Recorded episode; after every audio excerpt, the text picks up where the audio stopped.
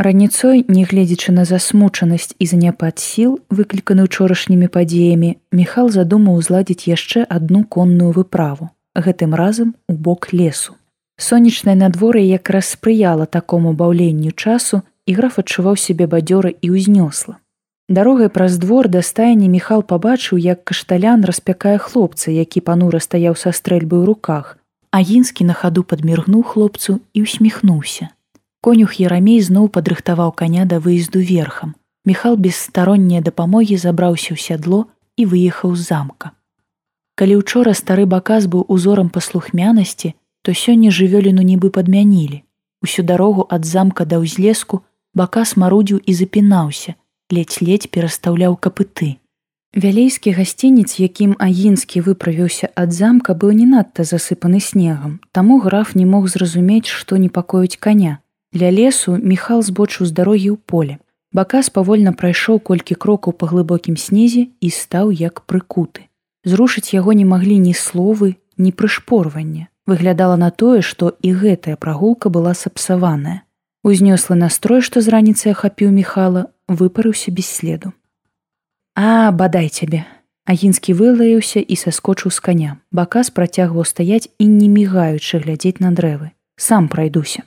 Міхал прайшоў усяго пару крокаў і забурыўся тварам у рыпучы снег. Падымаючыся граф Агінскі гучна прыгадаў некалькі асабліва яскравых выразаў з тых, што чуў ад сталічных рамізнікаў. Затым атрос кажух і азірнуўся. У тым месцы, дзе ягоная нага нападкала перашкоду, з-пад снегу вытыркалася штось даўгаватае. Міхал прыгледзеўся. Гэта была чалавечая рука.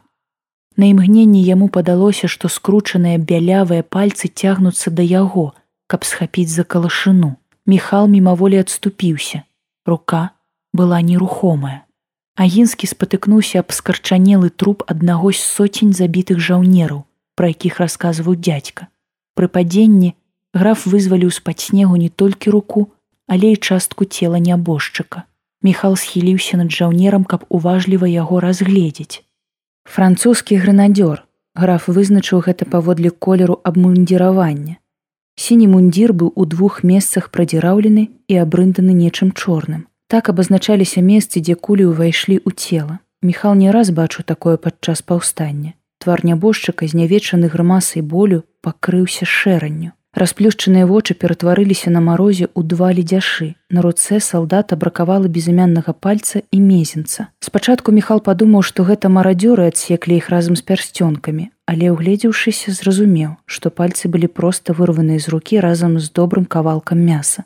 Графу зрабілася млосна. Ён адвярнуўся ад нябожчыка і паглядзеў у бок лесу. Дрэннае прачуванне пачало зараджацца ў міхалавай душы. Яму падавалася, што лес, да якога ён так імкнуўся зранку, хавае ў цёмных глыбінях нешта злое і небяспечнае. Здавалася, што з-за завесы галін на поле да самотнага падарожніка ў любы момант можа выскачыць.